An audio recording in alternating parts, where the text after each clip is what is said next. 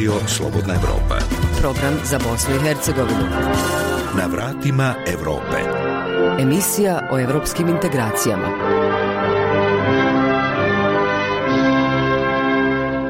Dobar dan, poštovani slušalci. Ja sam Džanana Halimović, a u narednih pola sata donosimo vam zanimljive priče iz kojih izdvajamo. Dok u svijetu vlada nestašica vakcina, pojedine ih zemlje bjesomučno nabavljaju, što prema ocjeni šefa Ureda Svjetske zdravstvene organizacije u Bosni i Hercegovini Fabija Skana predstavlja problem. Sada smo u takvoj situaciji da je nestašica vakcina, ali ono što nam treba je jednakost. Dakle, ako nekoliko zemalja kupuje mnogo vakcina, to predstavlja problem. Predstavlja problem jer onda sve zemlje nemaju pristup vakcini na isti način. To nema smisla ni epidemiološki ni ekonomski. Organska proizvodnja u Bosni i Hercegovini bez državne potpore. Mi smo izgubili u Španiji kupca jer je trebao neko u, u našem ministarstvu da ovjeri da, da, da neko potvrdi da smo mi organski proizvođač u Bosni. Niko nije imao da nam stavi taj pečat. Projekat prekogranične saradnje za osobe s poteškoćama u razvoju nudi brojne dobrobiti, a jedna od njih i finansijska sigurnost štićenicima u Zeničko-Dobojskom kantonu.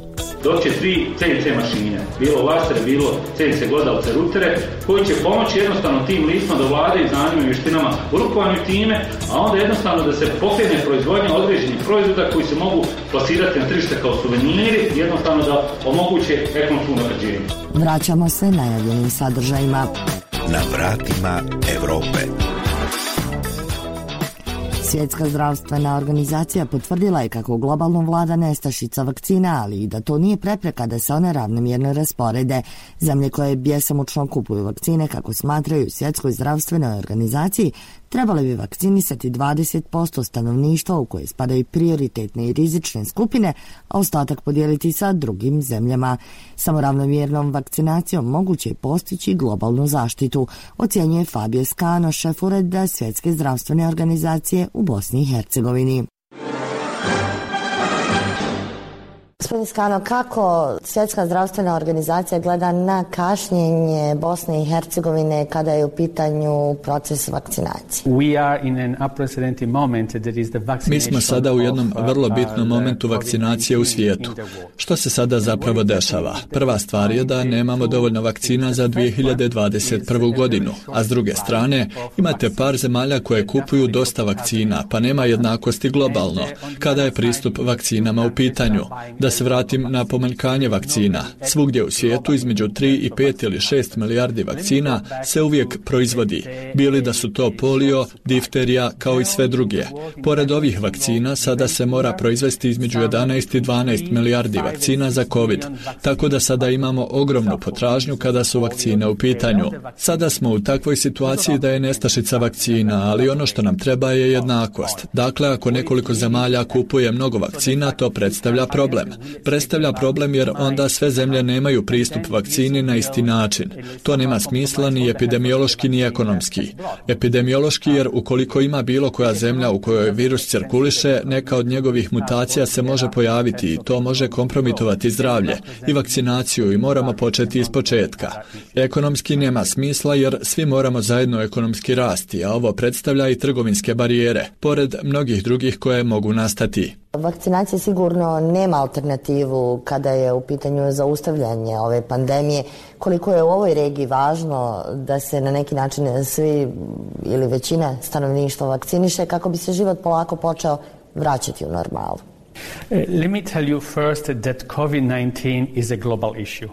Najprije da vam kažem da je COVID-19 globalni problem koji zahtjeva globalno rješenje. To je prva stvar. Druga stvar je ta što će vakcinacija biti izuzetno koristan alat, ali trenutno zbog ograničenog snabdijevanja neće biti neko sjajno rješenje.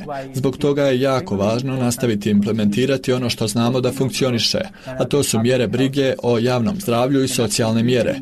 Evo, sada u zemlji vidimo benefite implementacije mjera koje služe da zaštite javno zdravlje i socijalne mjere mjere, što rezultira opadanjem slučajeva zaraženih. Kada je u pitanju vakcinacija, moramo naglasiti da vakcina, što znamo i što nam je sada poznato, ima veliki utjecaj na opadanje teških i srednjih oblika bolesti. Ne znamo kakav je utjecaj na prijenos. Postoje neki rani dokazi da može imati utjecaja na prijenos virusa, ali je prerano da sve svoje uloge stavimo samo na vakcinaciju.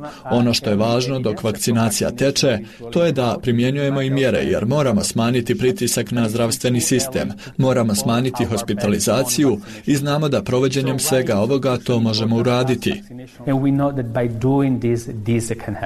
Jedan od uh, moto Svjetske zdravstvene organizacije kada je pitanje vakcinacije jeste jednakost za sve. Kako onda gledate na to što Bosna i Hercegovina u okviru COVAX programa zapravo nije dobila onoliko vakcina koliko je očekivala? As I said, Ale, there is a global kao što sam rekao, postoji globalni manjak zaliha i to je imalo veliki utjecaj na COVAX. U isto vrijeme ima nekoliko zemalja koje besomoćno kupuju vakcine i prave ugovore s proizvođačima. Zbog toga su regionalni direktor Svjetske zdravstvene organizacije dr. Hans Kluge i generalni direktor dr. Tedros uputili poziv zemljama koje imaju vakcinu da najprije vakcinišu prioritetne grupe, što su zdravstveni radnici i ranjive kategorije, što uključuje ljude koji imaju neka prethodna stanja, starije, ali i nastavno osoblje kako bi škole počele sa radom. Potom da sa drugim zemljama podijele vakcine kako bi raspodjela vakcina u svijetu bila ista. Ovaj poziv je snažan jer istinski vjerujemo u jednakost, ne samo u humanitarne svrhe, već jer to ima smisla ekonomski ima smisla i epidemiološki. Kovaks je osmišljen da obezbijedi vakcine za 20% najranjivijih i on se ne takmiči, već služi kao most drugim naporima. Zato je važno da zemlje koje imaju vakcinu u procentu većem od 20 20% počnu da je dijele sa drugim zemljama. Kako biste u tom svjetlu onda e, protumačili odluku Evropske unije da dok ne završi vakcinaciju na svom teritoriju neće podijeliti vakcine e, sa onima koji se nalaze izvan Evropske unije uključujući i ovu regiju? Ovo je veoma specifično pitanje na koje se referirate i to ima veze sa propisima Europske unije u smislu sporazuma o izvozu i proizvodnje sa zemljama članicama. U globalu bih se vratio na principe da je ono što je važno je da svi imaju jednak pristup vakcinaciji. Prvo tih 20%, a onda podijeliti. Kada je u pitanju zabrana izvoza, želim da naglasim da se to ne odnosi na COVAX, jer je to mehanizam napravljen da osigura jedna jednakost kada je u pitanju vakcinacija. Ovo je od izuzetne važnosti, jer ukoliko zemlje ne budu na istom tragu, nejednakost će rasti umjesto da se smanjuje. Kada je riječ o Kovaksu, želim da naglasim da je Bosna i Hercegovina bila druga zemlja koja je dobila vakcine i da su one već stigle, a još ih je najavljeno za april i nastavit će se kroz 2021. godinu. Ali opet, ovo nije pitanje jedne zemlje, iako se Bosna i Hercegovina zbog svoje veličine nalazi u problemu da pristupi nabavci vakcina, već je ovo globalno pitanje koje zahtjeva globalno rješenje u smislu solidarnosti. Govorio je Fabio Skano, šef ureda Svjetske zdravstvene organizacije u Bosni i Hercegovini. Slušajte nas, gledajte nas, čitajte nas. Sve na jednoj adresi slobodnaevropa.org. Protest stanovnika Sarajeva koji je održan simbolično utorak 6. aprila na dan ovog grada, tokom kojeg su građani tražili da bosansko-hercegovačke vlasti osiguraju vakcine protiv koronavirusa, organizovalo je nekoliko žena aktivistkinja. Sada mnogi ocjenjuju da je upravo zbog toga sve prošlo u savršenom redu, bez incidenata, megafona i zapaljujućih govora. Pripremila Gordana Sandić-Hadžihasanović. Među organizatoricama protestnog skupa pod nazivom Borba za život, hoćemo vakcine, je Aida Veraget koja kaže kako je ovaj skup u čijoj pripremi je učestvovala sa još pet aktivistkinja zapravo pokazao šta žene žele. Žene žele život. Žele život za sebe, za, za svoju djecu, za svoje najmilije i mogućnost za osiguranje tog života vidimo u smjeni vijeća ministara, federalne vlade i izrade plana kako da se ova zemlja dalje nosi s pandemijom. Nevjerovatno je da za godinu dana niti jedna politička partija, bilo da je pozicija ili opozicija, nije izašla sa bilo kakvim prijedlogom i rekla hajmo probati ovo. Znate, ovo su ljudi koji, kojima je važno da njihov život, da se oni koji su plaćeni da brinu o njihovim životima, to konačno počnu da rade. Mi, mi, smo, mi smo mislili da bi ovo bio dobar način da nas čuju i da postupe po zahtjevu naroda. Svi se u predizbornim kampanjama busaju prsa kako predstavljaju narod. Evo im naroda na ulici, nek poslušaju šta narod ima da im kaže. Maja Gasal Vražalica, također organizatorica protesta u Sarajevu, kojim se tražila odgovornost BH vlasti za nenabavku vakcina, ističe da je sve pažljivo isplanirano kako bi to bilo mirno izražavanje nezadovoljstva što masovne imunizacije ani vakcina još nema u Bosni i Hercegovini. Jako sam ponosna na žene organizatorice, nas šest i kada usporedite kako je danas civilizirani svijet i kako se ponaša i kako smo dostojanstveno odali počast preminulim od koronavirusa, dakle zato nemamo megafona, nemamo obraćanje, sve zahtjeve i sve kritike koje upućujemo prema vijeću ministara i vladi federacije istakle smo na transparentima. Nismo htjeli da govorimo jer odajemo počast preminulima, njihovim porodicama u moje ime i ime naše organizacije, naravno i ovih građana i građanki iskreno saučešće i rekla bih evo da se nijedan ekses nije i neželjen događaj desio, da se svi pridržavaju onih jel, uputa koje smo mi objavile i na javnom Facebook događaju. s nama ima i mnogo osoba koje su izgubile svoje najmilije, tu je i gospođa supruga a, Altarca Čička i mnogi drugi koji su i na ovaj način, jeli usprkos tome što tuguju i žaluju, došli da kažu vakcine, da trebaju nam, pošto ste nesposobni, podnesite ostavke. Neira Latić-Hulusić je još jedna od žena koje su se stavile na čelo protestne šetnje u Sarajevu. Na građanima je ostalo da se mi razmišljamo i da mi tražimo zapravo ko je odgovoran, jer oni su evo na kraju prebacili odgovornost i na građane, rekavši da direktnom nabavkom spornih respiratora zapravo ne smiju da uđu u direktnu nabavku vakcina. Uđite u direktnu nabavku vakcina, ali nemojte krasti. Prvi zahtjev je da vijeće ministara i vlada federacije podnesu ostavke, podsjeća Gasol Vražalica. I naš drugi zahtjev je naravno imenovanje novog saziva vijeća ministara vlade Federacije Bosne i Hercegovine koja bi imala 14 dana roka za podnošenje plana i programa realnog isprovodivog za uh, jel, borbu protiv koronavirusa i upravljanje krizom i obavezan PCR test na svi, za sve na ulasku u Bosnu i Hercegovinu. A šta ako oni koji su najodgovorniji što nema vakcina ne podnesu ostavke? Neira Latić-Hulusić kaže da tu ne prestaje građanski aktivizam, ali i otpor u kojem će učestvovati još više obespravljenih u ovoj zemlji. Ako ne, ne podnesu bar moralne ostavke, mi ćemo pozivati svim sredstvima uz pomoć kolega naših medija i svojim jeli menima sve obespravljene u ovoj zemlji, rudare, demobilisane borce, manjine i sve one koji ne, kojima nešto fali, a ovdje svima nešto fali, da izlaze svakodnevno na ulicu dok se nešto ne desi. Iz Sarajeva za radio Slobodna Evropa, Gordana Sandić Hadži Hasanović. Reforme za Evropu. CNC mašine za centre za djecu s poteškoćama u Zeničko-Dobojskom kantonu, osposobljavanje roditelja djeci sa posebnim potrebama za uzgoj začinskog bilja i izradu svijeća u Vukovaru, osposobljavanje djece s invaliditetom za pravljenje suvenira u Nikšiću. Ovo su glavne aktivnosti programa jednakost, poštovanje prava, društveno zadovoljstvo. Podržala ga je Evropska unija kroz program prekogranične saradnje Bosne i Hercegovine, Hrvatske i Crne Gore za djecu i odrasle s poteškoćama u razvoju. Projekat je predstavljen u Tešnju, a u prezentaciju su se uključili i učesnici iz susjednih država. Priča Arnisa Grbešića.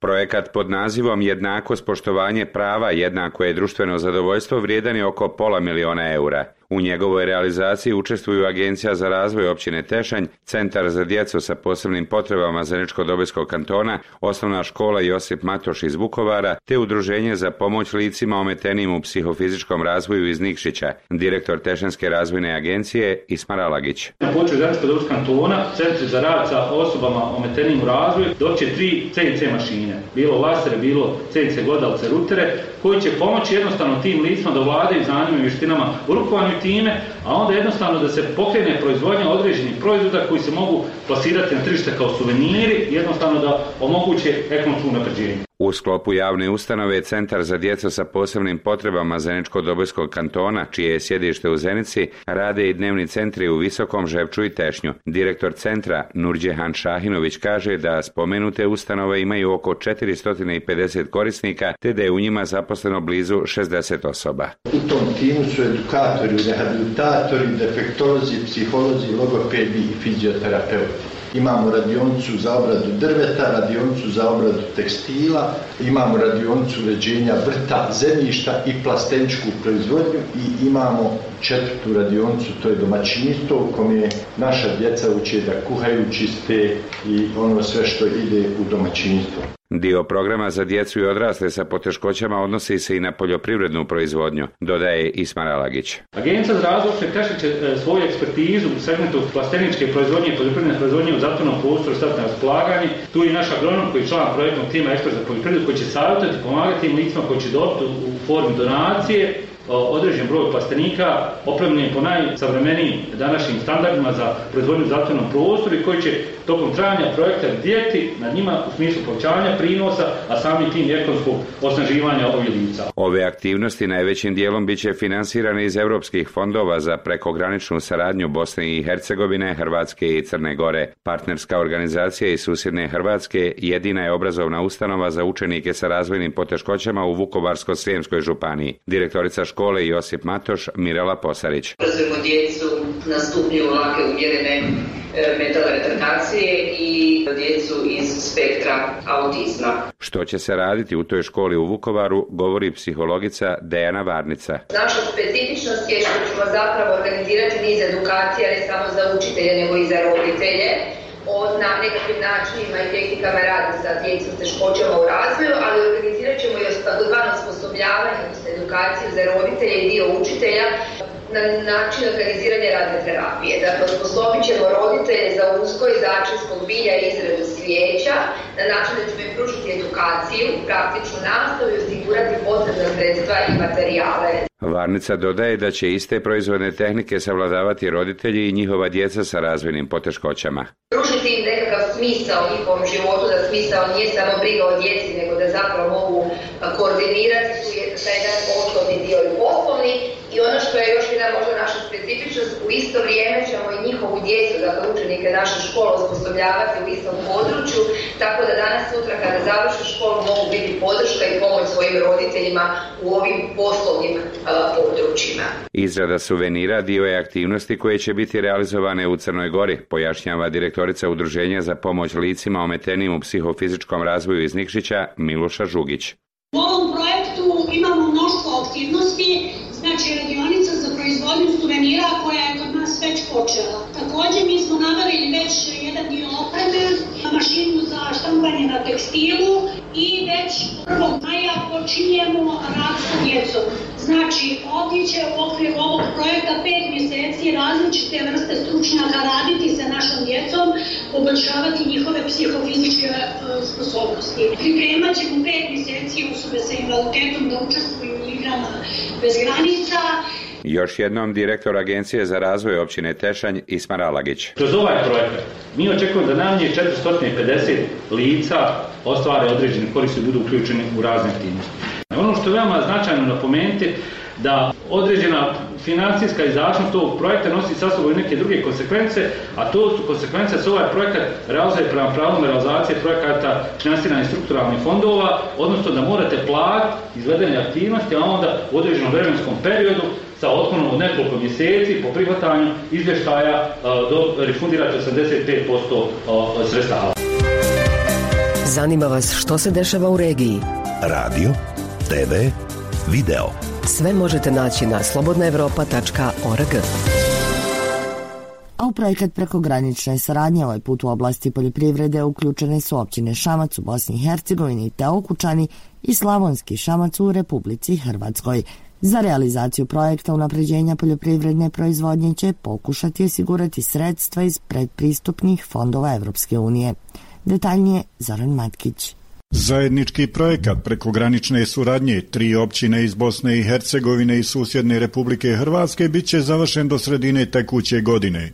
Uz pomoć stručnog konzultanta iz Republike Hrvatske projekat pripremaju općinske službe za ekonomski razvoj. Branislav Milinović, načelnik općine Slavonski Šamac. Cilj je raditi na projektima gospodarske obnove. Jeli? Naše mišljenje je da se moramo bazirati na poljoprivredi, na preradi poljoprivrednih proizvoda i na obnovljivim izvorima energije. Da bi pokrenuli razvoj gospodarstva i poduzetništva u lokalnim zajednicama prethodno treba osigurati komunalnu i drugu infrastrukturu. Đorđe Milićević, načelnik općine Šamac. Jedna od takvih bitnih infrastruktura na području opštine Šamac jeste stvaranje jedne poslovne zone na neki 17 hektara poljoprivrednog zemljišta koje je bilo pretvoreno u građevinsko zemljište. Dobra prekogranična suradnja i zajednički projekti koji bi se finansirali iz predpristupnih fondova Europske unije donijeće korist građanima s obje strane rijeke Save. Tihomir Kovač, stručni konzultant iz Republike Hrvatske. Tu se prvo nekako nametnulo te mogućnosti iskorištavanja tog položaja prekograničnih prelaza, blizine e, važnih prometnica poput autoceste. Upravo to usmjerava sve razvoj gospodarstva temeljen na tim e, najznačajnijim resursima ovoga podneblja. Općinski načelnici Šamca i Slavonskog Šamca, osim suradnje u gospodarstvu, razmišljaju i o suradnji u drugim oblastima. Načelnik općine Šamac, Đorđe Milićević. Dogovorili smo dakle da u narednom periodu intenziviramo aktivnosti na saradnji nevladinog sektora sa jedne i druge opštine. Tu prvenstveno mislimo na udruženja žena na futbalske klubove e, i sportske kolektive na području jedne i druge opštine. Dogovoreno je da evo u narednom periodu i komunikaciju uspostave u zajedničkom interesu i dva vatrogasna društva. Nakon prethodno održanih sastanaka, najprije u Slavonskom Šamcu, a potom i Šamcu u Bosni i Hercegovini, domaćin narednog sastanka bit će općinski načelnik Okučana. Osim što otvara mogućnosti za nova zapošljavanje i porast izvoza proizvodnja organske hrane jedan je od bitnih faktora na evropskom putu Bosne i Hercegovine. No poljoprivrednici tvrde da ogromni potencijali koje Bosna i Hercegovina ima ostaju neiskorišteni zbog nemara institucija vlasti. Izostanak značajnih poticaja te brojne administrativne barijere s kojima se suočavaju samo su neki od razloga zbog kojih mnogi odustaju od uzgoja organske hrane. Iako zvaničnog registra proizvođača nema, procjenjuje se da ih je u 2012. godini bilo više od 200, a danas tek 60. Slušamo Mariju Augustinović. Meira Halilović bavi se poljoprivredom već 38 godina. Njena porodična firma na Nišićkoj visoravni u blizini Sarajeva od 2001. godine počinje s uzgojem organskih proizvoda. Uglavnom samo niklo, ljekovito bilje. Počeli smo proizvoditi tečna ulja da bi prije nekih možda 14 godina proširili smo tu našu organsku proizvodnju, počeli proizvoditi žitarice, povrće. Organska proizvodnja traži da se sačuvaju livade, da se sačuvaju, sačuva zemljište, ne tretira se ničim. Osim što proizvode za domaće tržište, izvoze u zemlje regije kao i Evropsku uniju te Sjedinjene američke države. Eterična ulja recimo većinom se izvoze od, od Evrope do Amerike. Organska proizvodnja je zahtjevniji i skuplji proces od konvencionalne poljoprivredne proizvodnje. Zbog toga bi, kako ističe Meira Halilović, institucije vlasti u BiH morale putem poticaja pomoći proizvođačima organske hrane. Mi imamo certifikate evropski, imamo za američko tržište, imamo i košar. Nama nije problem toliko, mada to košta. Ne možete vi neku malu sažu izvesti jer vam se jednostavno ne isplati. Imate, plaćate certifikat dok platite izvozne papire, dok platite transport, nije to baš. I mi smo izgubili u Španiji kupca jer je trebao neko u, u našem ministarstvu da ovjeri da, da, da neko potvrdi da smo mi organski proizvođač u Bosni. Niko nije imao da nam stavi taj pečat. Nisu se potrudili, a trebali bi da se produ da se donesu ta zakonska akta.